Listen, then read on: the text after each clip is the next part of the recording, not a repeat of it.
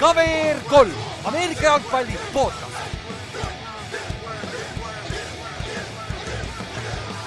tere tulemast kuulama KVR3 Ameerika jalgpalli podcasti, minu nimi on Ülar ja täna on aeg järgmiseks story time'iks. ja see, seekord on teemaks midagi sellist, mida peaksid kõik NFL-i fännid teadma, sest see on üks play selles ühes mängus üle kahekümne aasta tagasi, mis mõjutas kogu NFL-i landscape'i tänapäevani. et see pani, see pani aluse selleks, mis me oleme näinud viimased kakskümmend aastat NFL-is. ja sa võid näpuga näidata selle ühe play poole. ja targemad NFL-i fännid teavad, mis play'st ma juba räägin. Duck rule game see mäng selle legendaarse Patriotsi ja legendaarse Raidersi vahel kaks tuhat üks aasta play-off ides. ja see üks play, kus Tom Brady ja Charles Woodson said omavahel kokku. ja see üks play reaalselt mõjutas NFL-i ajalugu ja me näeme siiamaani selle ripple efekti, isegi praegu. ja sellest me täna räägimegi. aga enne, enne kui lähme selle juurde, siis äh, veits seleta, mis edasi saab üldse meil podcast'is, et äh, noh, nüüd, mis me oleme teinud juba. üle-eelmine nädal tegime story time'is, rääkisime, eelmine nädal rääkisime NFL-ist, on ju. nüüd täna teeme jälle story time'i ja siis järgmine nädal me võtame kokku siis viimase kahe nädala NFL-i uudised koos ja siis äh, räägime ka rohkem hüpoteetilisi asju NFL-ist, mis hetkel toimub NFL-is, on ju. ja siis me teemegi niimoodi üle ühe hakkame tegema story time NFL-i osa story time ja nii edasi nii edasi. Ja mõnikord need story time'id võivad olla ka intervjuud, et see oleneb, kuidas, kuidas meil täpselt on ja niimoodi me läheme kuni juuli lõpuni. sest et juuli lõpus me hakkame jälle tegema neid äh, hooaja preview'si, kus käime iga, kõik divisionid läbi, iga nädal, iga nädal käime, käime ühe divisioni läbi. ja selleks meil oleks ka abi vaja jällegi. et ma tean, et see on päris kaugel, ikka päris, mis tähendas kahe kuu kaugusel. aga fännid, need, kas, kui te tahate oma meeskonnast rääkima tulla, podcast'i äkki siis andke meile teada, täpselt nagu me mäletate, eelmine aasta tegime ka nii ja lõpuks me saimegi vist. pea mingi viis-kuus fänni vist käisid, kui ma ei eksi. et see oli, see oli päris fun, et äh, teeks see aasta uuesti. ja et kui sul on huvi, kirjuta meile, anna teada, et siis me, siis me saame teid kirja panna ja siis me saame ise ka ülevaate, sest et see scheduling ja kõik see on ka ikka paras peavalu, et, et. et siis, siis saab sellega ka ühele poole. aga siis üks asi veel äh,, homme juba homme, reedel, reedel salvestame põhimõtteliselt täna, kui see välja tuleb, on siis Balti liiga järgmine mäng Tallinn Kingsil, kus me läheme seekord siis Vilniusesse äh, Iron Wolvesi vastu mängima. ja seekord on ka live stream, seega kui sa tahad vaadata mängu, siis sa leiad selle kindlasti Balti liiga Facebooki page'ilt äh,, Vilnius Iron Wolvesi Youtube'i page'ilt kindlasti. Leiate live stream'i, et siis kui tahate kaasa elada meile, siis vaadake, et äh, ma arvan, see on päris, päris hea mäng peaks tulema aga ega siis midagi, lähme meie tänase teema juurde siis. ja nagu öeldud, see on siis duck rule game. ehk siis Raidersi ja Patriotsi vaheline divisional round play-off'i mäng kaks tuhat üks, kaks tuhat üks aastal. ja nagu, kui sa sellest juba, kui sa, kui sa pole seda enne kuulnud isegi, siis nüüd on viimane aeg teada, saada, mis, mis mänguga see tegemist on. sest nagu ma juba enne mainisin, see on megatähtis play NFL-i ajaloo kontekstis, viimase kahekümne aasta ajaloo kontekstis kindlasti, tegelikult ka NFL-i üldise aja, saja aasta, saja, saja aastase ajaloo kontekstis on see tähtis play. ja selle, selle juures on üldse, see on, see on päris haige, et see üks play mõjutas põhimõtteliselt kolme NFL-i meeskonna tulevikku. ja nagu täielikult mõjutas. Nende käekäiku täielikult ja ja see on naljakas, et ainult kaks meeskonda mängisid ja siis äh, ühte, ühe meeskonna käekäiku veel mõjutas peale seda, on ju. aga, aga eks me jõuame selle juurde täpselt, kuidas ja mida see mõjutas, on ju.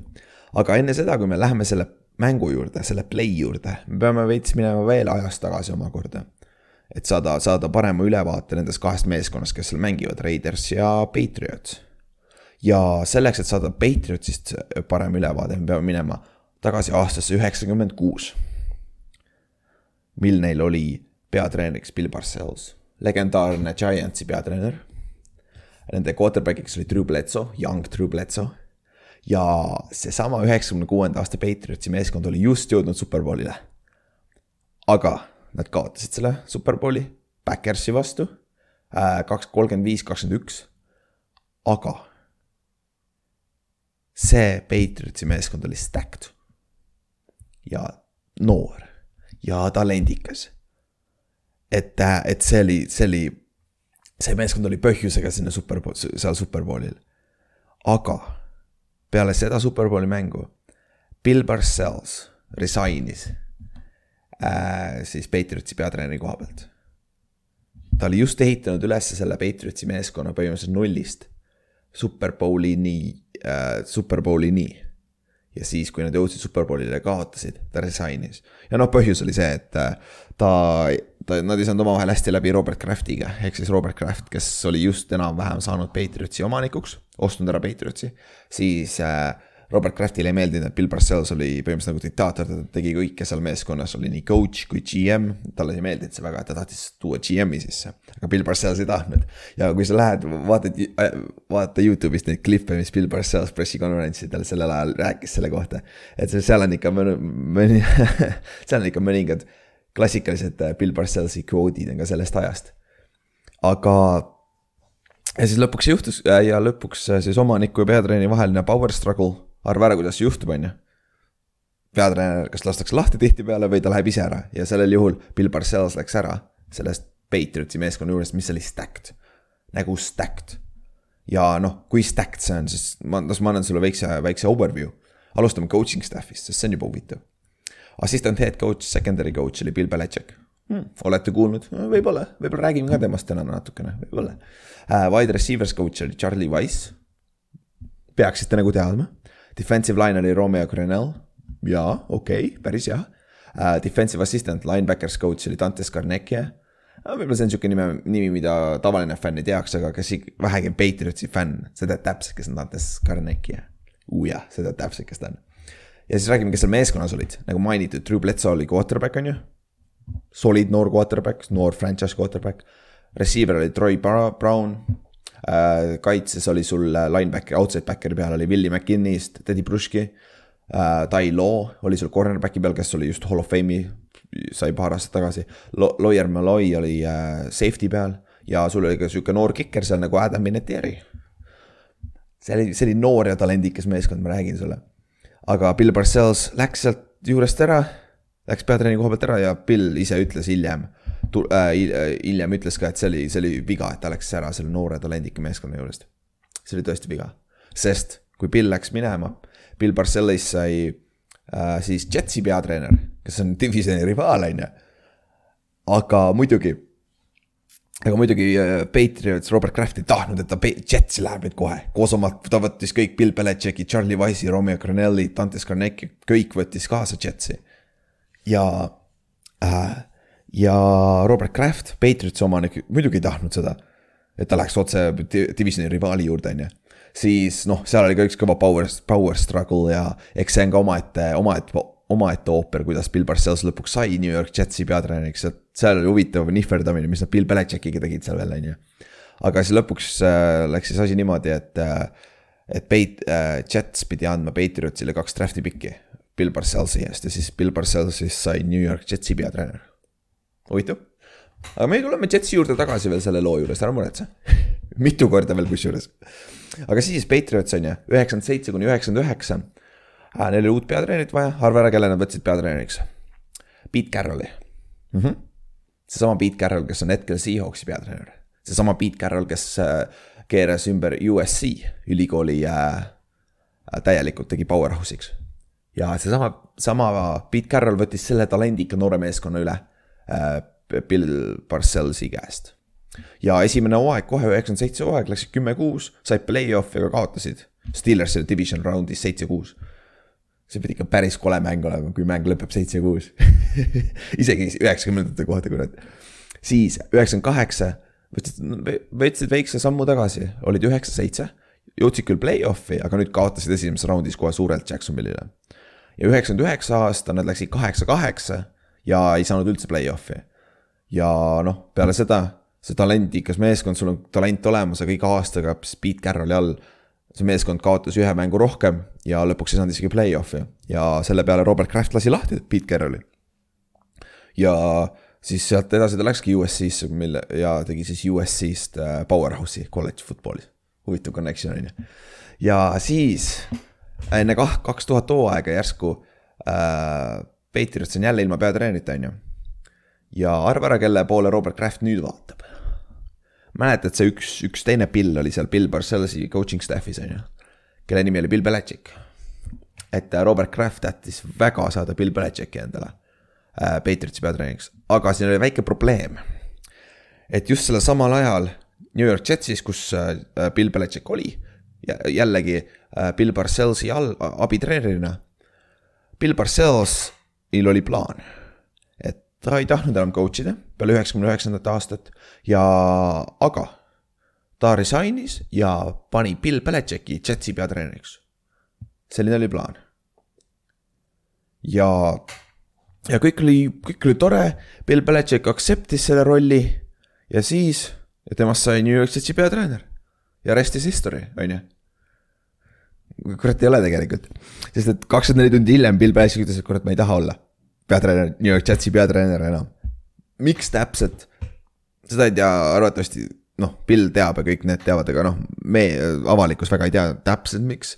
aga arvatavasti tal oli Patriotsi peatreeneri koht tundus olema ahvatlevam, pluss äh, ta ametlikult ütles, et see omanik, New York Jetsi omaniku äh, situatsioon oli äh,, oli äh,, oli probleemiks Bill Bars- äh,, Bill Belichicki jaoks. miks ta Jetsi peatreeneri koha pealt lahkus peale kahtekümmet nelja tundi.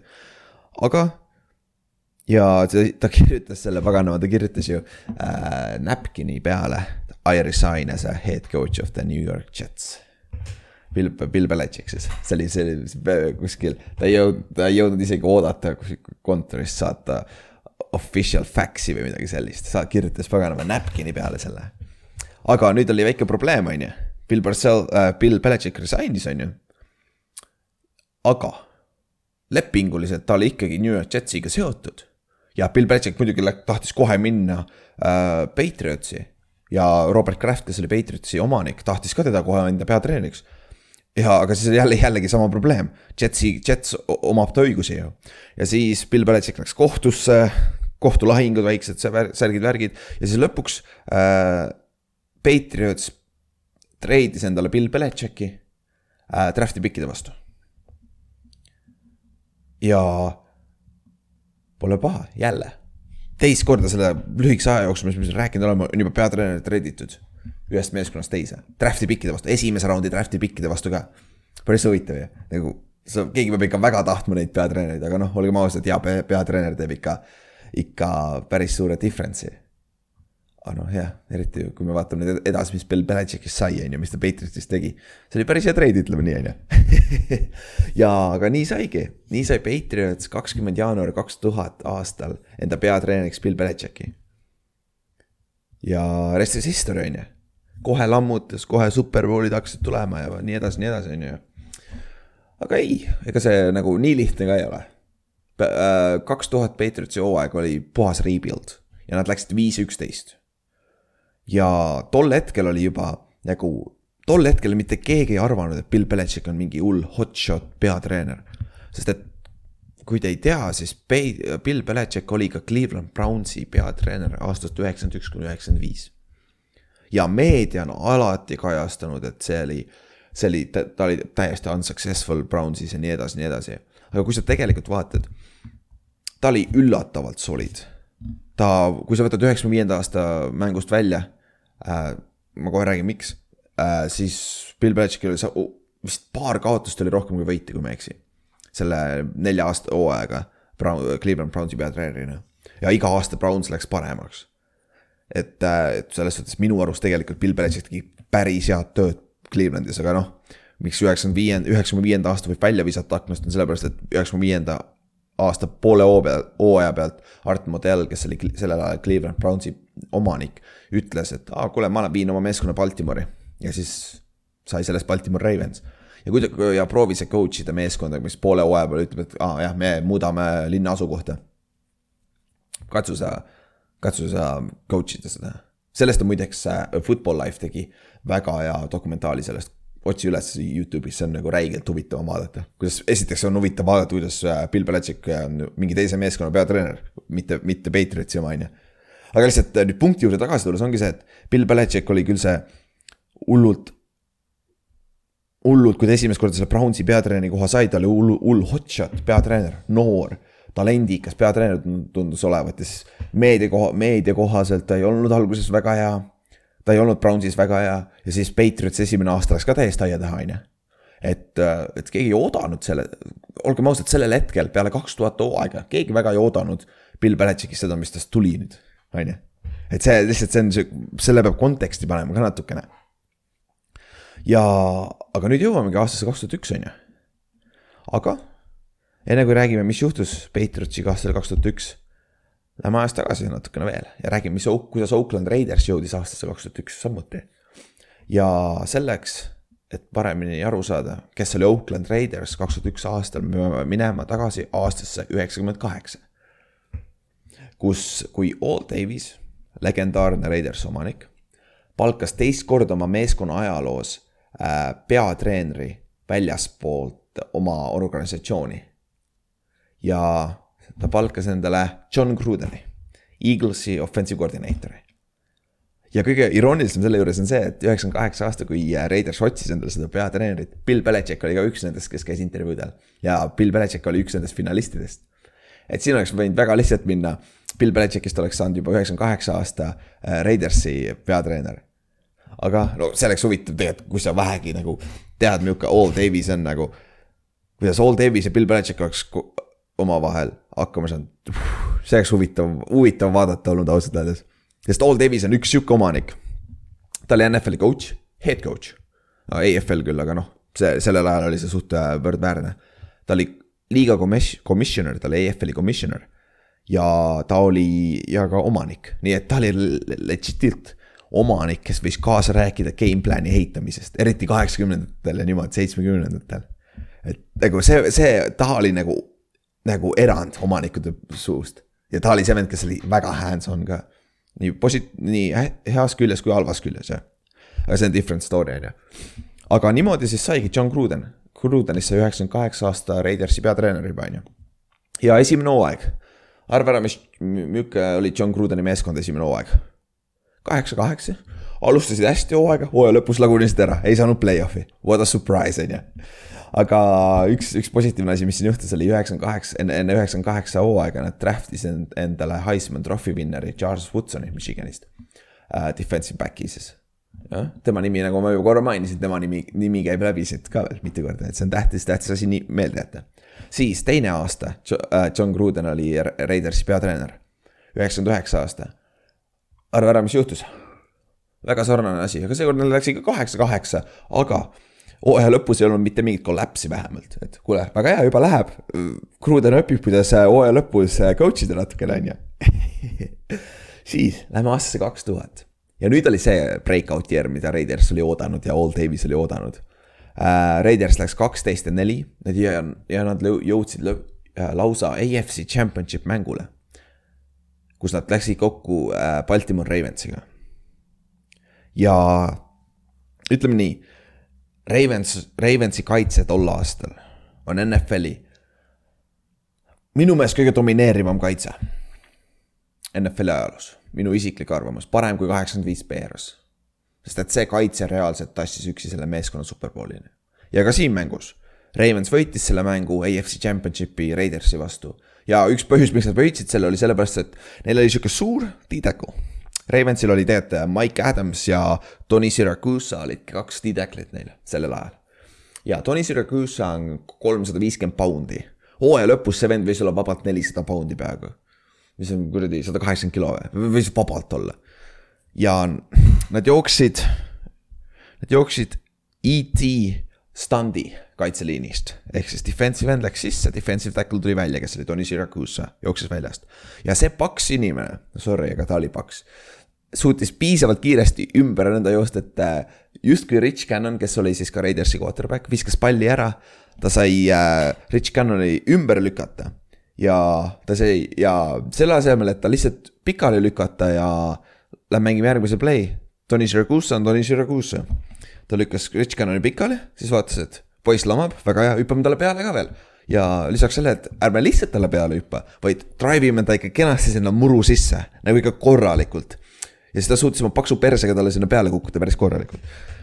ja mis siis juhtus, Rich Gannon sai viga ja Raiders kaotas oma põhikoot-, starting quarterback'i mängu alguses. tänu, tänu, tänu sellele, et väike, väike Tony Siracusa lamas nende quarterback'i peale.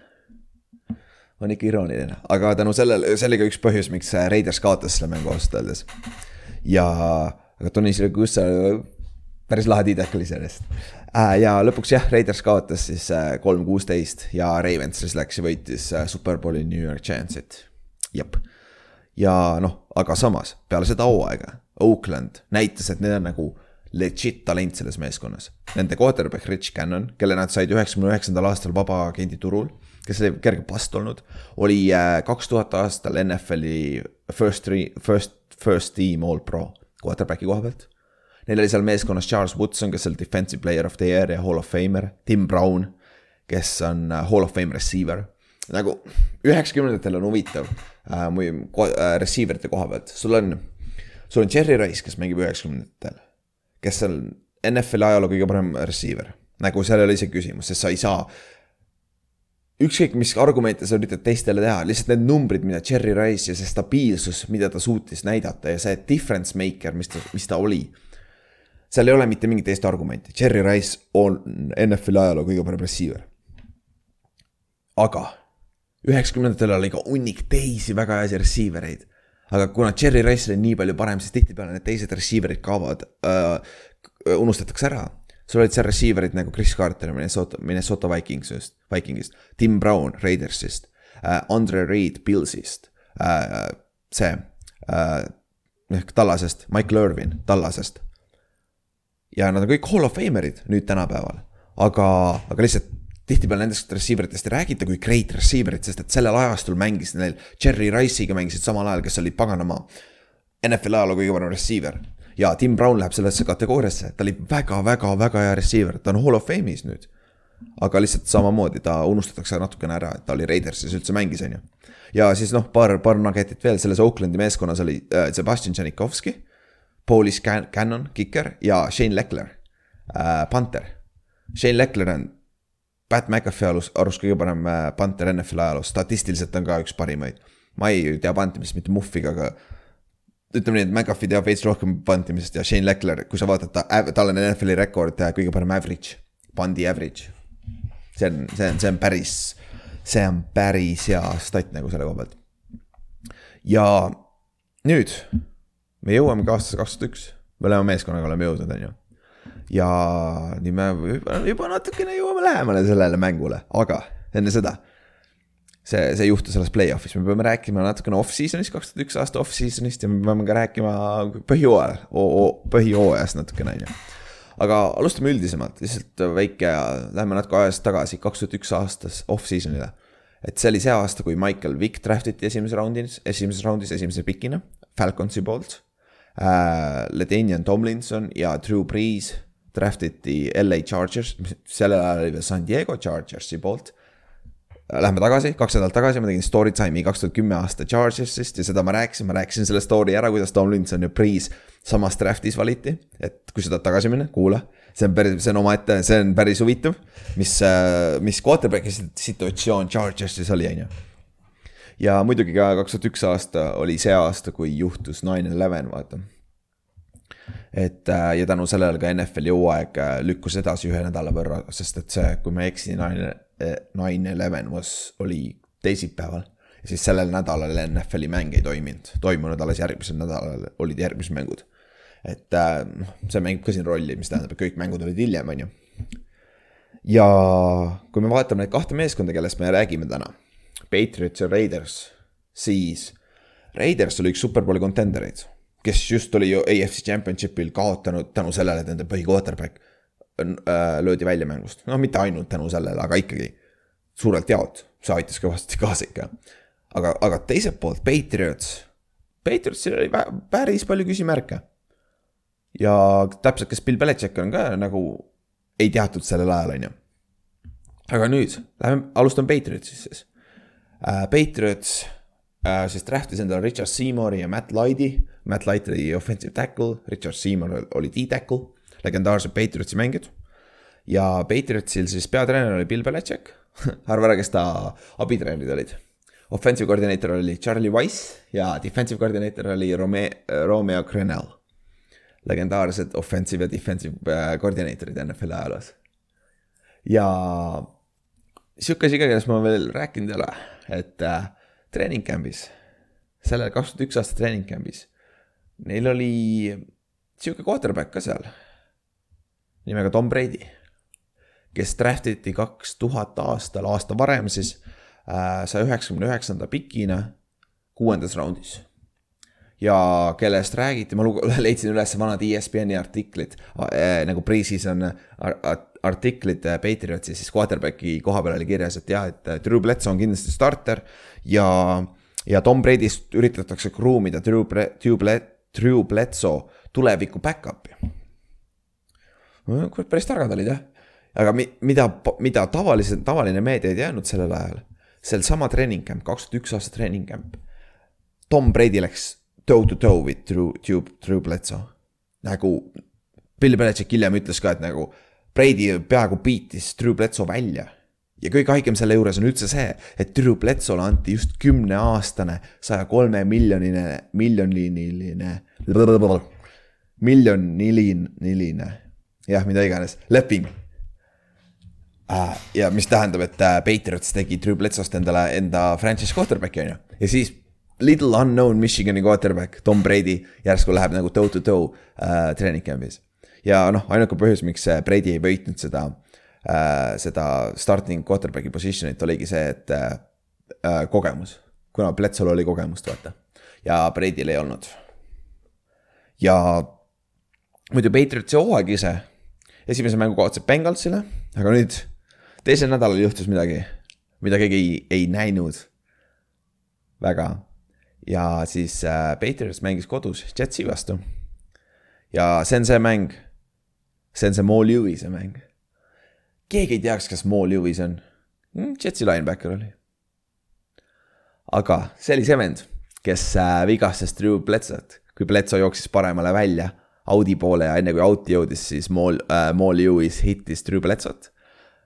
ja selle hiti tagajärjel Bledsoe pidi mängust välja minema ja sisse tuli sihuke vend nimega Tom Brady, kellest me just rääkisime. ja Mo Lewis'e pärast sai Tom Brady võimaluse üldse NFL-is. kui nagu päris, päris, päris, päris huvitav selle koha pealt, üks play lihtsalt mõjutas seda, on ju. ja, ja aga noh, Brady tuli küll sisse, aga kaotas selle mängu, jah, kaotasid lõpuks selle mängu ja siis äh, kaks tuhat üks aasta algas Patriot, Patriotsi jaoks ikka päris hästi, null ja kaks on ju. siis kolmandal nädalal oli Brady esimene start ja arva ära, kelle vastu see oli. arva ära, kelle vastu see oli, see on minu meelest nii irooniline. Brady esimene start oli Peyton Manningu ja Indianapolis Coltsi vastu. ja Brady oli null ja kaks, Colts oli kaks ja null ja arva, mis tulemus on, Brady võitis nelikümmend neli, kolmteist see, kas see ei näita juba veits ära nagu, kuhu poole see jutumärkides rivaalitsemine äh, kaldus või? et me-, meediale meeldib siiamaani seda narratiivi luua, et Brady versus Manning, Colts versus Patriots on ju. aga olgem ausad, kui sa vaatad statistiliselt äh, Peyton Manning versus Tom Brady, see on üpris ühele poole kalduv, need võiduprotsendid. Patriots oli ikka, ikka tihtipeale eespool äh, Coltsist, kui nad omavahel kohtusid, on ju. aga lihtsalt, lihtsalt naljaks irooniline on see, et see rivaalitse-, see suur, üks suuremaid rivaalitsemist siia NFL-i ajaloos sai alguse kohe Brady esimesest stardist ja kohe võitis ka, on ju, naljakas. aga siis jah, kümnendaks nädalaks, kümnendal nädalal Patriots kaotas Rams'ile, kes oli nagu enne hooaja algust kindel superbowli contender, üks suurimaid, kõige suurem favoriit oligi. sest nad, just üheksakümmend üheksa aasta võitsid superbowli, kaks tuhat sai Kurt Warner viga, et siis kaks tuhat üks, nüüd kaks tuhat üks aasta jälle äh, Kurt Warner oli terve ja, terve ja nad olid jälle stacked meeskond äh, Marshall Falkiga tagaotsas ja Tori Holdid ja Isaac Bruce'id receiver'i, receiver'i koha peal, on ju. ja, aga naljakas asi, Patriots küll kaotas selle mängu Rams'ile, on ju. aga Mike Marts, kes oli Rams'i peatreener, ütles huvitava asja peale seda mängu, et Peit-, see Patriots on superbowli kaliibriga meeskond. ja see on irooniline, eriti mõeldes sellele, kuhu me jõuame välja selle Patriotsiga. aga tol hetkel, peale seda kaotust, Patriots oli viis-viis ja Tom Brady oli kaheksast mängust viis mängu võitnud, ehk siis Brady oli viis, viis-kolm starting quarterback. ja nüüd tagatipuks järgmisel nädalal, üheteistkümnendal nädalal oli see aeg, kui Drew Bledsoe tuli tagasi. Nende franchise quarterback, Patriotsi franchise quarterback, kellele nad just andsid kümne miljonilise, saja kolme, kümneaastase, saja kolme miljonilise äh, lepingu. ta oli valmis, let's go, ma võtan nüüd oma töökoha tagasi ja lähme aga arva, mida Bill Belichik tegi. no okei okay,, kui ma juba nõnda küsin, on ju, sa juba eeldad, mis ta tegi, on ju. Bill Belichik ütles, et jah yeah,, we, we are rolling with Tom Brady. jep, ta valis Tom Brady üle Drew Bledsoe, Drew Bledsoe'l oli kogemus, tal oli raha, meeskond oli investeerinud temasse. aga Belichik oli näinud piisavalt Tom Brady'st ja Brady oli piisavalt näidanud Belichikile, et teda saab usaldada. ja see meeskond saab olla edukas Tom Brady'ga aga kujuta, kujuta ette tänapäeval, paganama. võib-olla mitte Patrick Mahomes, kes oleks hea võrdlus. kes on Kirk Cousins, Tyler Mondi asemel näiteks, kuigi see väga, väga isegi ei ole, ei ole just kõige parem võrdlus, aga Drew Bledsoe oli pro bowl quarterback. Dak Best, Dak Prescott näiteks. või võta, lähmegi aastast kaks tuhat kuusteist, kui Dak Prescott Äh, vaata rukkina mängis väga hästi, kui Tony Romo oli väljas, siis Romo ei saanudki oma töökohta tagasi. Romo ja Pletso on kusjuures väga sarnased.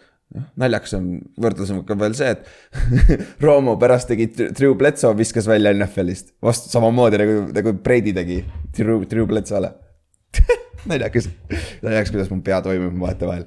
aga jaa, seesama asi, mis juhtus äh,, mäletate kaks tuhat kuusteist aastal, kuidas Dak Prescott mängis ja ja siis Tony Romo ei saanudki oma starting position äh, rolli tagasi, on ju. aga, aga Brady ei mänginud tegelikult nii hästi kui äh, Drew äh, nagu Dak Prescott. Kui me toome selle võrdluse, aga ikkagi, Bill Belichik nägi midagi Tom Brady's. et ta usaldas teda juhtima seda meeskonda edasi hooaja lõpuni. ja neil oli kuus mängu veel mänguda, mängida ja arvan, mida, mida Patriots ja Tom Brady tegid. või nad paugutasid kõik kuus võitu järjest ära ja läksid play-off'i, buum, üksteist viis number kaks seed AFC-s. Just like that. That's why Bill Belichik is a freaking genius. nagu, sest ta julgeb teha neid otsuseid, mida paljud, mitte keegi poleks talle mitte midagi öelnud, kui oleks Drew Bledsoe'ga läinud. mitte keegi poleks mitte midagi öelnud talle. aga vend läks Tom Brady'ga. ja Brady tasus, tasustas selle kohe ära. lõpetasid üksteist viis, number kaks seed, play-off'is, let's go. ja üks naljakas asi on veel, äh, Brady muideks, selle viieteistkümnendal nädalal äh, Brady püüdis kahekümne kolme jaardise touchdown catch'i. no tegelikult see oli lühem sööt ja siis ta jooksis kakskümmend kolm jaardi touchdown'iks põhimõtteliselt. Ja noh, lihtsalt see on, kui ma vaatasin neid äh, highlight'e ja värke, siis lihtsalt see, see jäi nii silma, sest kõigil on meeles, kuidas Tom Brady troppis selle Superbowlil selle Eaglesi vastu oli, oli Eaglesi vastu jah, troppis selle söödu vaata. et Tom Brady ei oska püüda ja värgi, ta ei ole atleetik. noh no,, noor Tom Brady oskas isegi natukene püüda ja natukene joosta, on ju. mis sest, et ta jooksis viis säki nelikümmend jaardi, aga vähemalt ta liikus edasi. et ta ei koperda oma jala otsa nagu mõned meist, on ju. Ben Roethlisberger, jep aga jah, igatahes Patriots jõudis siis, niimoodi jõudis Patriots siis kaks tuhat üks aasta AF, NFL-i play-off'i on ju nüüd lähme Raidersi juurde. Raiders on nüüd vastupidi, natuke teistsuguses rollis, on ju. Off-season'il nad sainisid endale äh, Cherry Rice'i, kes, kes tuli lõpuks San Franciscost ära. ja mis sest, et Cherry Rice oli kolmkümmend üheksa. aga ta oli ikka difference maker. ta oli ikka difference maker. Ja ta oli, ta kohe aitas kõvasti seda rünnet kaasa ja Raiders alustas ka, arva ära, kuidas Raiders, John Grudeni Raiders jälle alustas, kuus ja üks lammutasid. siis hooaja keskel nad olid kümme-kolm. aga nad lõpetasid jälle hooaja lõppu niimoodi nagu alati, kolme kaotusega ja nad lõpetasid äh, kümme ja kuus. kümme-kuus lõpetasid ja mis tähendas, et nad, nad äh, hooaja keskel neil oli reaalselt, nad olid number üks seed AFC-s ja aga nüüd hooaja lõpp lagunes neil ära, sellega nad kaotasid koduväljaku eelise play-off ides, pluss esimese raundi bye. Ja tänu sellele Patriots, see noor meeskond sai, oli number kaks seed AFC-s ja nad said esimese, esimesel wildcard raundis ei pidanud mängima ja nad saavad oma esimene division, divisional raundi saavad kodus mängida. Ja Raiders selle eest oli wildcard round, raundis pidid mängima, sest nad olid number kolm seed AFC-s. ja siis nad pidid esimeses raundis mängima Jetsi, Jetsi vastu, on ju. ja nüüd sul on kaks meeskonda, Patriots, kes on super hot, kes on just võitnud kuus mängu järjest saavad play-off'i esimeses mängus, esimest, esimesel nädalal ei pea mängima, saavad puhata. ja siis saavad esimese mängu kodus mängida. ja siis on Raiders, kes oli superbowli contender hooaja alguses, kes on näidanud hooaja kes-, hooaja, hooaja vältel näitas, et nad on üks parimaid meeskondi NFL-is. aga nad lagunesid hooaja lõpus veits ära. ja tänu sellele nad pidid mängima, küll said küll kodus mängida, aga Jetsi vastu, aga noh ja esimeses raundis tegid Jetsi vastu päris korralikult, tegid suht lihtsalt ära. kolmkümmend kaheksa, kakskümmend neli võitsid ja Cherry Rice'il oli sellel mängul äh, sada kaheksakümmend kolm jaardi. nagu ma ütlesin, ta oli kolmkümmend üheksa aastat vana juba. et nagu Cherry Rice tegi receiver'i koha pealt sarnaseid asju, nagu Tom Brady teeb praegu quarterback'i koha pealt. neljakümnendate ääre peal juba lammutab ikka veel receiver'i koha peal, on ju. et see oli päris, päris, äh, päris huvitav sihuke nugget ka siia tuua. aga nüüd me jõuamegi selle mängu juurde sest et Raiders võitis, Raiders läks edasi. ja kellega nad kokku saavad? Nad saavad kokku Patriotsiga, ehk siis lähme aega, üheksateist jaanuar kaks tuhat kaks aasta, Foxborough Stadium, Foxborough, Massachusetts. see on duck rule game. aga nüüd, ja siin on ka, kui see mäng hakkas, kõik said aru, miks see koduväljaku eelis nii tähtis on. sest et paganama, arva ära, mis ilm Äh, seal New Englandis selle, see jaanuarikuus on. pask ja eriti sellel päeval sadas laia valget lund taevast alla, sihukest nagu sihukest rõvedat natukene lörtsist lund, sihuke rõve. sul ei ole otseselt õues külm, aga sa oled märg. ja see on sihuke rõve valge lumi, mis jääb igale poole külge kinni, on ju. ja sellistes tingimustes toimus siis see mäng, milles, äh, mis muutis NFL-i ajalugu järgmise, järgmiseks kahekümneks aastaks. jep ja siin on, siin on, siin on nagu ehe näide sellest, kui tähtis on koduväljaku eelis play-off'is, eriti NFL-is, kus on ainult üks mäng, vaata. aga Patriots suutis selle koduväljaku eelise endale saada, on ju. Läheme siis mängu juurde. see on siis divisional round'i mäng, teise raundi play-off'i mäng Patriotsi ja Raidersi vahel äh,. Patriotsi kodus, on ju. esimene poolaeg, arva ära, mis oli räige shootout, nagu räige shootout, Brady viskas kakssada viiskümmend jaardi, Rich Cannon viskas sada viiskümmend jaardi esimesel veerandajal. kedagi ei huvitanud see lumi, on ju, mitte midagi. ja ma lihtsalt valetan praegu, see oli täielik bullshit, mis esimesel poolajal toimus. mõlemal meeskonnal oli kokku üksteist first down'i ja neil oli ka üksteist punti. Third down'il mõlemad meeskonnad olid kokku kolmeteist pluss üks, väga hea protsent. aga ikkagi teise, teise veerandaja vältel suutis Raiders ühe touchdown drive'i kokku panna. ja sellega nad võtsid ka poolajaks seitse-null edu endale, liidi nii-öelda. ja see tundus olevat, et kurat, siin mängus pole, sul pole rohkem vajagi. Äh, see üks touchdown võib olla see difference maker, sest lihtsalt selle ilmaga oli nii raske palli liigutada. aga Patriots sai palli tagasi, sai kohe palli esimesena teisel poolaja alguses ja ütles, et screw it, me ei jookse selles, selles, me ei saa joosta isegi selles ilmas. Vennad hakkasid söötma. ja läbi Brady viskamiste äh, nad jõudsid kohe suht kiiresti jõudsid Raidersi viie jardi peale. kus, kus nad küll stoolisid ja Adam Vinatieri pidi lööma lühikese field goal'i. Aga selle, sellega eest nad sai punktid äh, lõpuks tabloole. et nagu kuule, see mäng lõpuks Patriots ärkas ka üles teisel poolel. ja oligi siis kolm-seitse oli skoor äh, Raidersi kasuks on ju aga nüüd teiselt poolt Raiders järsku leidis ka oma ründe ülesse. Nad kohe vastasid field goal'iga, mis tegi skooriks kümme-kolm. Patriots pantis ja Raiders sai uuesti palli tagasi, ideaalselt keskväljakul ja suutsid jälle liigutada palli piisavalt edasi, et Sebastian Janikovskile anda võimalus field goal'i lüüa ja lõid jälle uue field goal'i sisse. ja kolmanda veerandaja lõpuks oli seis kolmteist kolm ja see sihuke tunne oli, et Raiders lihtsalt jookseb selle mängu, mänguga ära ja Raiders läheb jälle tagasi AFC Championship mängule. ja kus tal on see, see aasta parem võimalus jõuda superbowlini, on ju. ja, aga noh, see, see mäng, see play oleks nii tähtis, kui see mäng oleks niimoodi lõppenud, on ju. neljanda veerandaja alguses Patriot sai siis uuesti palli ja nüüd, nüüd nad panid, suutsid kokku panna esimese touchdown drive'i enda jaoks selles mängus kus nad panid kokku kümme play'd, kuuskümmend seitse jaardi ja said touchdown'i lõpuks. ja arva ära, kes touchdown'i skooris. Tom Brady uh,, what a surprise on ju. aga kuidas ta skooris ah,? kuuejaardise touchdown run'iga. Young Tom Brady isegi oskas joosta, usu mind, usu mind, see isegi see pisikene paganama Tom Brady, kes jooksis viis sekki nelikümmend jardi kombainil, kes nägi väga anatleedik välja. kurat, see vend jooksis päris hästi siin mängus. me räägime sellest veel natukese aja pärast. aga jah, siis Patriots sai touchdown'i ja skoor oli kohe kümme, kolmteist. Boom, here we go. Here we go, this is, we have, we, we have a game here. siis äh, seitse, nelikümmend kaks oli mängida. Raiders sai siis palli tagasi ja nad liigutasid kohe palli Patriotsi neljakümne viie jardi peale. aga ise, aga neil oli, neil on ühe NFL ajaloo ühe tugevama jalaga kiker, Sebastian Janikowski. aga see ilmastikuolud olid lihtsalt nii pask, et nad, Patriot äh,, Raiders ei üritanudki lüüa sealt neljakümne viie jardi pealt. see oleks olnud siis kuuekümne kahe jardine field goal. Heades oludes Sebastian Janikowski oleks selle vabalt välja löönud. oma jooga, oma asi, kas läks sisse läinud, see on teine asi. Janikovskil vahetevahel läks lappes natuke äh,, accuracy oli veits probleem. aga jah, pantisid ja kolm, kakskümmend viis oli mängida ja Patriot sai palli tagasi oma kahekümne jardi pealt.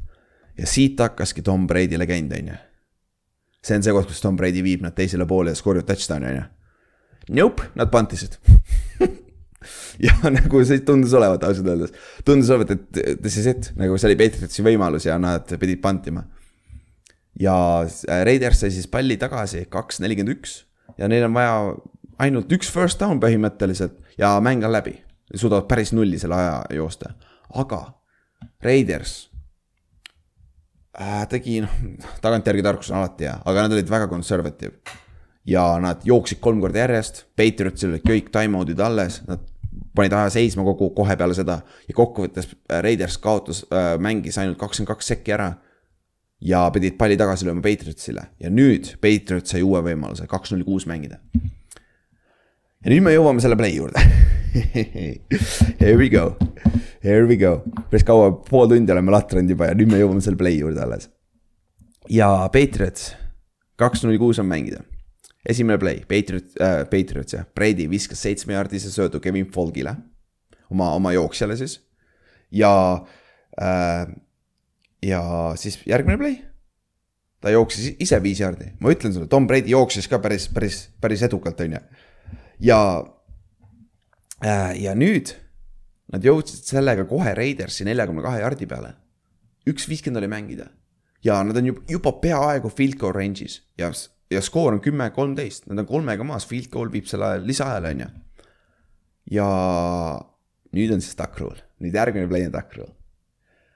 ja see on see ajalugu, millest me, millest äh, me räägime. aga, aga kuna Tom Brady just jooksis eelmine play, siis äh, Patriotsil ei olnud enam äh, time-out'e.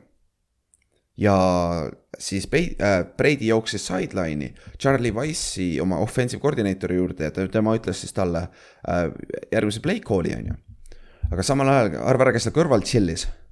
pisikene Erik Allan äh,, Raidersi cornerback chill'is ka seal kõrval ja vend kuulas, kuulis täpselt ära, mis, mis play tuleb.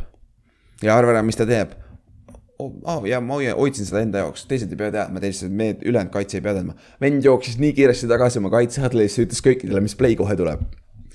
ja, Patriots tuli välja three by one formation'ist, oli kolm, neil oli trips paremal ja single receiver oli vasakul, on ju ja kõik, kõik neli receiver'it jooksid sland'id ja siis äh, running back jooksis swing road'i sinna single receiver'i poole peale, on ju.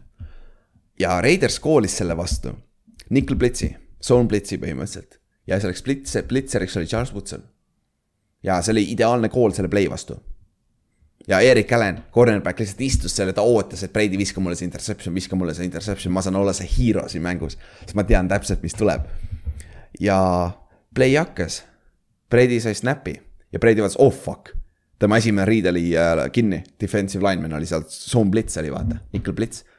ja samal ajal teiselt poolt, paremalt poolt, ründe paremalt poolt, Charles Woodson tuleb unblocked, jookseb läbi liini ja vaatab, ta silmad läksid suureks, oh-oh, Tom Brady. ja Brady just, kuna ta tahtis oma esimesele riidele visata, ta nägi, et ta ei saa visata, ta hakkas palli tagasi tooma oma kehasse, et uuesti visata oma järgmisele riidile.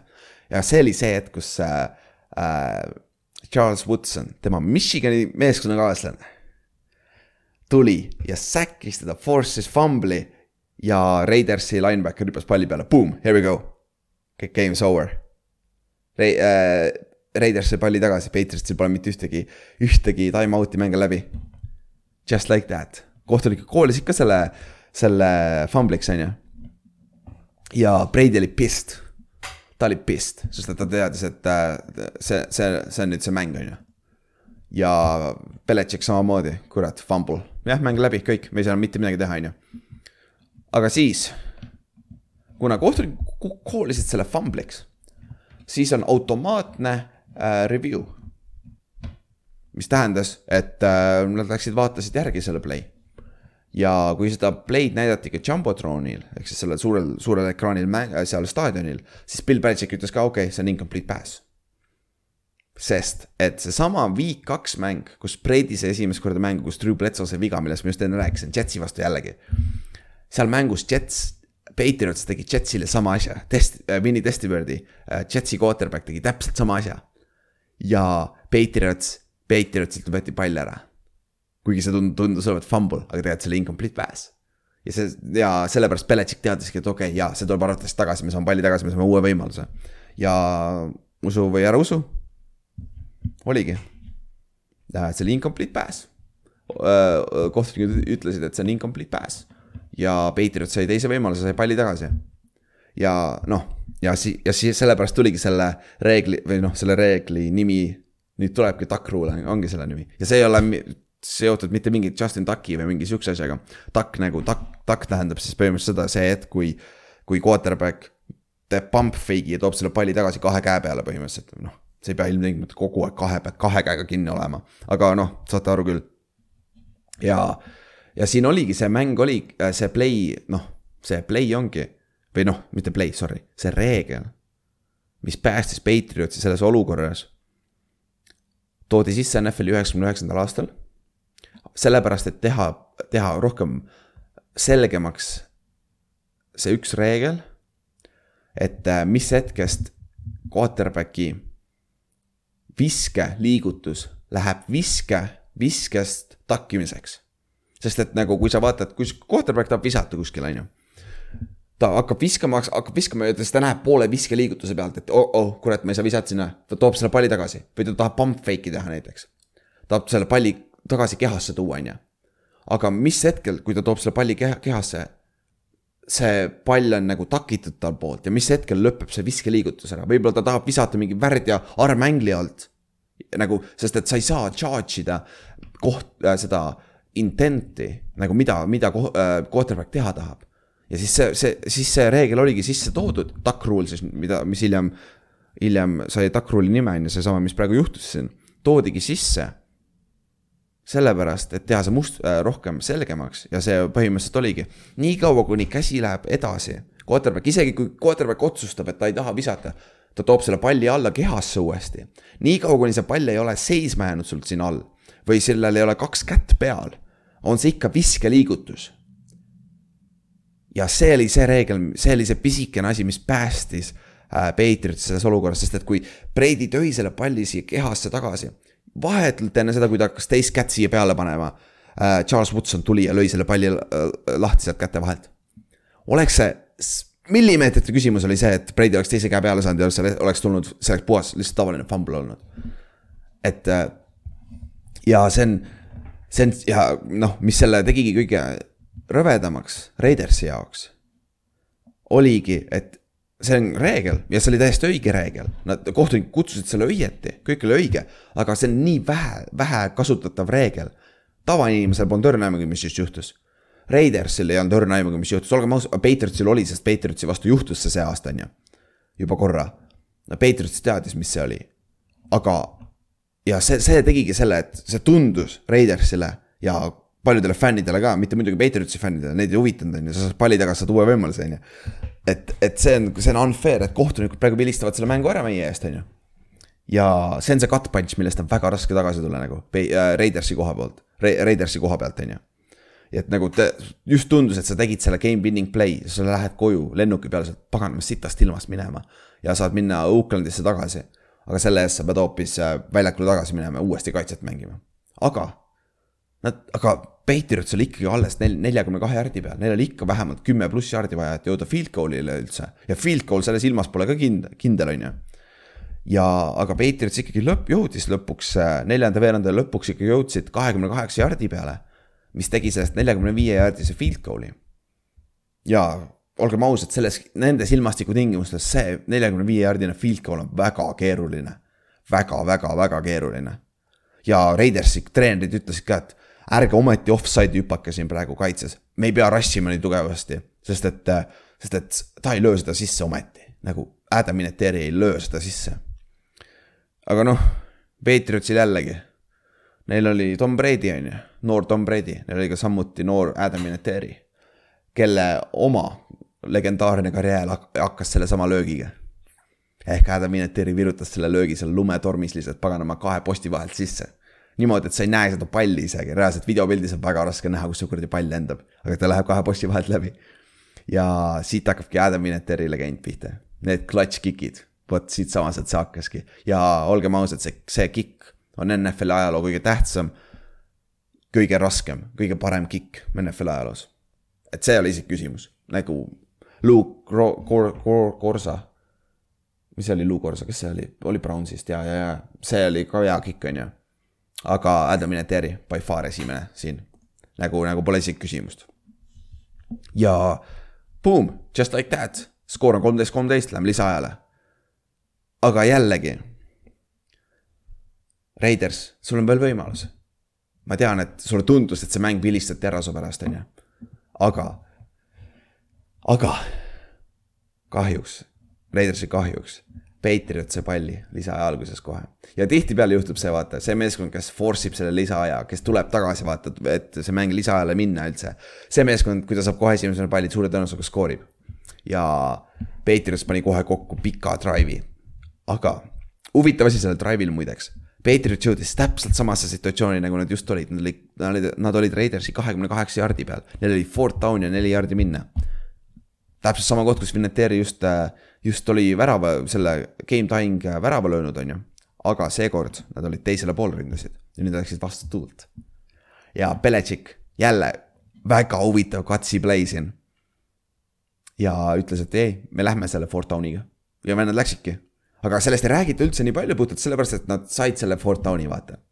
ja siis lõpuks äh, Patriots liikus, sai vist äh, Raidersi viie jardi peale ja lõid sealt lühikese field goal'i, Adam Vinatieri lõi sisse ja boom, just like that, Patriots võitis selle mängu.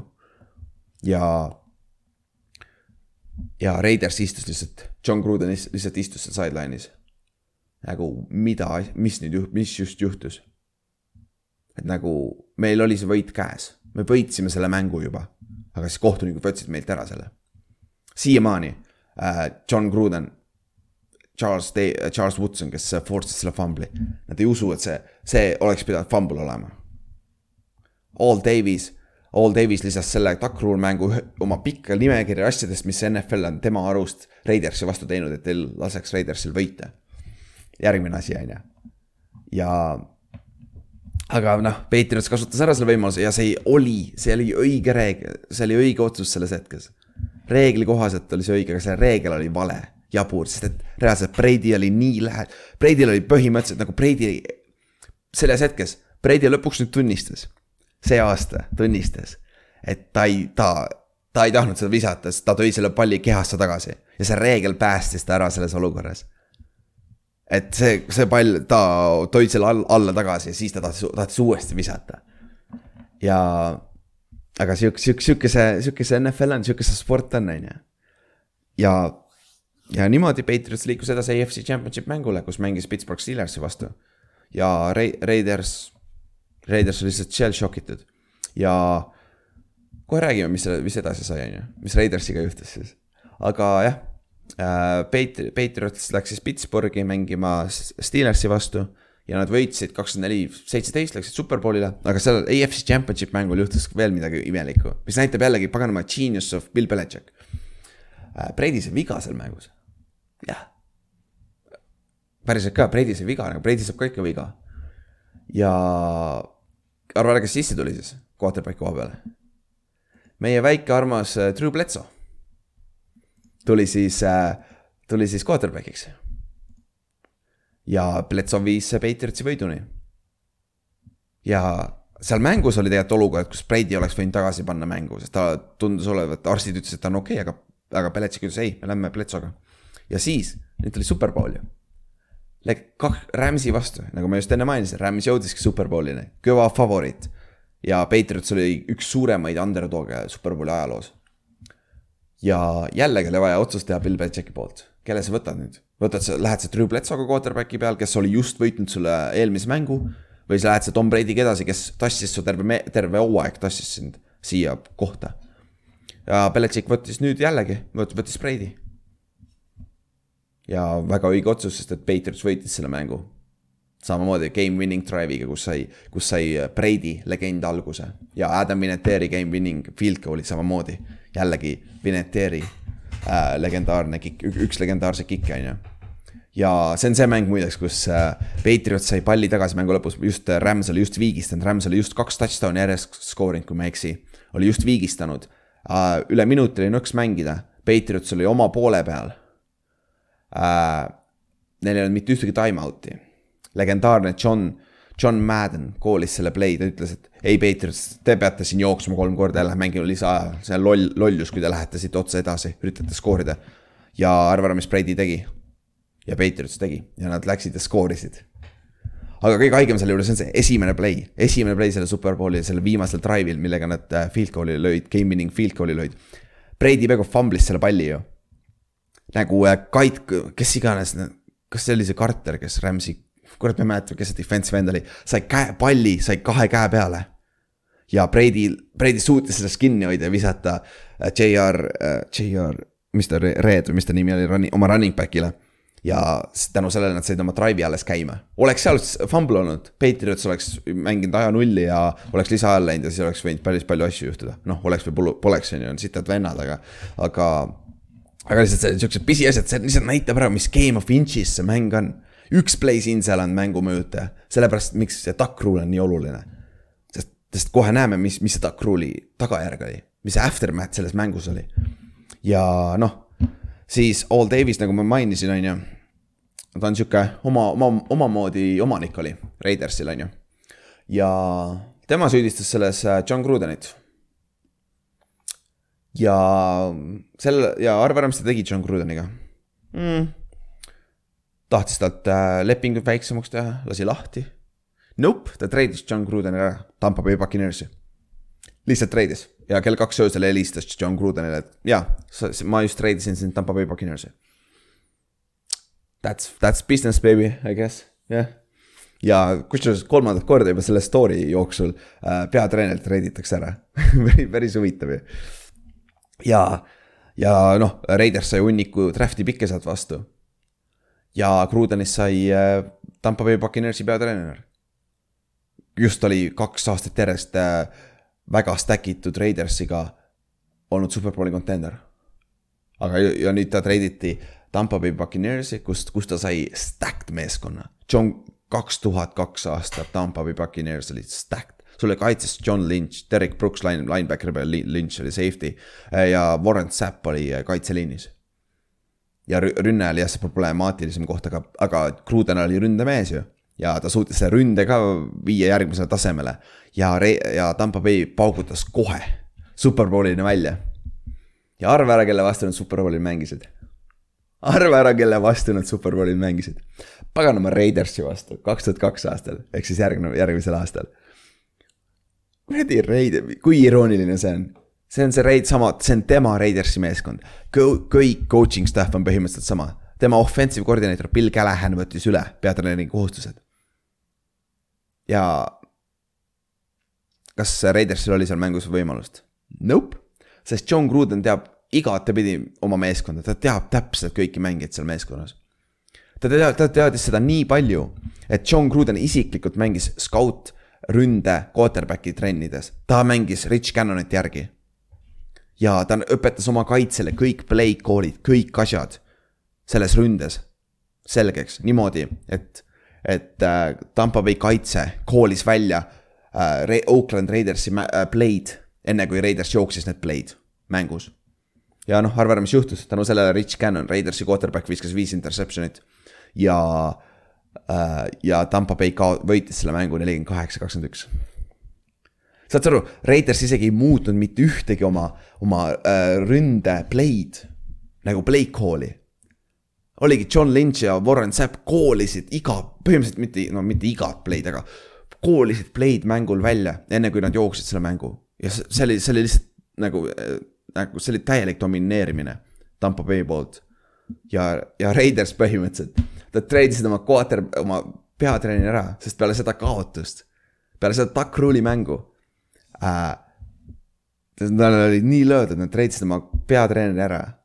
ja nad, nad olid, jõudsid ise nüüd superbowlini, aga nad läksid oma vana peatreeneri vastu ja, ja John Gruden tegi neile pähe pikalt nagu, see oli embarrassing. jõhker nagu ja peale seda Paks oli, Tampa Bay Buccaneers oli paar aastat veel sihuke powerhouse ja siis lagunes ära. Sarnaselt Grudenile ikka on ju, ja Raiders peale seda lagunes täiesti ära. Raiders läks neli ja kaksteist kaks tuhat kolm aasta ja kaks tuhat kaks aasta, kui nad superbowlile jõudsid, nad olid üksteist viis. ja nad ei saanud play-off'i enne kaks tuhat kuusteist aastat. ja siis peale kaks tuhat kuusteist aastat nad said veel korra kaks tuhat, just eelmine aasta said play-off'i, kaks tuhat kakskümmend üks. ja nagu sa tahad rääkida ripple efektist, mis see Duck Rule tegi, on ju. paganama, see on põhimõtteliselt sellepärast John Gruden lasti lahti. Kes läks Tampa Bay'sse, kes tegi pähe Raidersile, oleks Gruden jäänud sinna Raidersisse, jop. Different story võib-olla, on ju aga jah, siis äh, kaks tuhat kolmteist äh, see duck rule tegelikult äh, võeti NFL-i reeglitest, reeglitest välja. ja Robert Kraft, kes on siis Patriotsi omanik, ütles ka, et kuskil All Davis naeratab, sest selleks ajaks All Davis oli lahkunud meie hulgast, ta kaks tuhat üksteist aasta hooaja keskel suri ära. ja, ja niimoodi muud nagu niimoodi juhtus Raidersiga. Aga teiselt, teiselt poolt vaadates, mis juhtus Patriotsiga, Patriotsiga noh, nagu, nagu juba mainitud, Patriots võitis kaks tuhat üks aasta superbowli. kõva underdog, üks kõve, üks suuremaid underdog story'si. võib-olla, võib-olla isegi suurem underdog story kui see kaks tuhat seitse aasta Giants, kes tegid Patriotsile pähe superbowlil. võib-olla isegi suurem, sest et see, seda Patriotsi meeskonda ei oodanud keegi, olgem ausad. ja okei okay,, kaks tuhat kaks aasta läks siis veits aia taha, nad ei saanud isegi play-off'i. kaks tuhat kolm võitsid superbowli, kaks tuhat neli võitsid superbowli, siis Patriots. Kaks tuhat seitse nad läksid undefeated ja ka kaotasid superbowli. ja see oli see koht, kus kaks tuhat kolm, neli, viis, kuus Patriots oli kaitse domineeri-, domineerimisega meeskond, aga nüüd kaks tuhat seitse oli see koht, kus esimest korda rünne oli nagu sellest, nagu see, mis ta oli nagu suurem äh,, nagu kandis rohkem koormust kui kaitse. kuigi kaitse oli ka väga hea kaks tuhat seitse aasta, aga, aga rünne oli parem. siis kaks tuhat üksteist aasta jõudsid uuesti superbowlile, kaotasid jälle Giantsile kaks korda järjest. My Giants, jess siis kaks tuhat neliteist võitsid superbowli, kaks tuhat kuusteist võitsid superbowli, kaks tuhat seitseteist kaotasid superbowli, kaks tuhat kaheksateist võitsid superbowli. Patriots siis on ju. ja vahemikus kaks tuhat üksteist kuni kaks tuhat kaheksateist oli Patriots alati, alati AFC championship mängul. ja aastast kaks tuhat üks, esimene aasta, kui nad võtsid superbowli, ainult Steelers, Colts, Ravens, Broncos, Chiefs võitsid, võitsid superbowli AFC, AFC-st. ja Patriots võitis samal ajal kuus superbowli, mis on sama, kaks, kolm, neli, sama palju superbowle, kui võitsid need teised AFC meeskonnad. ja nad olid üheksal superbowlil ajavahemikus kaks tuhat üks kuni kaks tuhat üheksateist. see aeg, kui olid Bill Belichik ja Tom Brady koos selles meeskonnas. ehk siis nad olid pooltel superbowlidel selles aja, ajavahemikus ja nad võitsid kuus nendest. see on crazy, aga las ma, las ma räägin, kui crazy see veel on. enne kaks tuhat üks aastat Patriotsil oli null superbowli, nad olid kaks korda superbowli kaotanud. ja kõige rohkem superbowle oli, oli Steelersil, kui ma ei eksi. jah, Steelersil oli neli äh,. Forty Ninersil oli neli äh,. Cowboysil oli kolm. Green Bay'l oli kolm. ja oli seal veel keegi kolme peal vist ei olnud, nelja peal ka vist rohkem ei olnud, aga igatahes neli ne,, ne, neli oli maksimum, on ju. ja nüüd tänapäevaks, praegusel hetkel on, on äh, Patriotsil kuus. ja nad on viigis Steelersiga, sest Steelers, Steelers oli üks vähestest meeskondadest EFC-s, kes selle, suutis sellel ajal ka superbowli võita, nad võitsid kaks tükki, vaata. ja mis tähendab, et praegu ongi Patriots ja Steelers on koos. aga kakskümmend aastat tagasi Steelers oli nelja superbowliga ees neist. aga nüüd, nüüd on nad viigis. jõhker, Bill Belichickil on kaheksa superbowli, nad võitis kaks tükki abitreenerina Giantsiga ka täielik dominatsioon ja see Duck Rule, sa võid tagasi minna, näidata ajas, see Duck Rule on põhjus, kus nende dynasty hakkas. see on see, kus nende dynasty hakkas ja see üks reegel, mis andis neile teise võimaluse selles mängus. andis, andis neile selle teise hingamise ja nad kasutasid selle ära ja läksid, läksid superbowlile välja sellega, on ju. et äh, jällegi, see üks, üks paganama play, see üks duck rule'i mäng, on ju.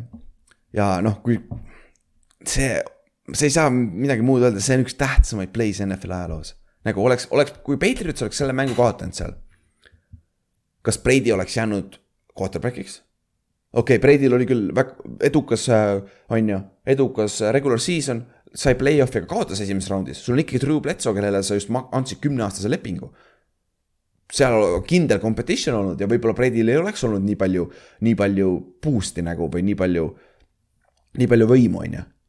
et seal oleks olnud training camp battle nende kahe vahel, ma arvan ja teisest küljest, mis Beletšekist oleks saanud, Beletšek oleks kaotanud selle ja ütleme, et kaks tuhat kaks aastal oleks läinud samamoodi nagu läks päriselt, ei saanud isegi play-off'i, siis Beletšek oleks Patriot, oma Patriotsi kolme, kolmel esimesel aastal väga pask, sai play-off'i, olid päris okeid, aga kaotasid esimeses raundis ja ei saanud play-off'igi.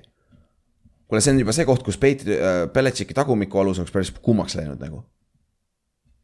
jah, ja teine asi, võib-olla üks nagu üks tähtsamaid asju üldse miks see peit, miks Beletšeki see süsteem sai üldse toimida, oligi see, et ta võitis nii kiiresti.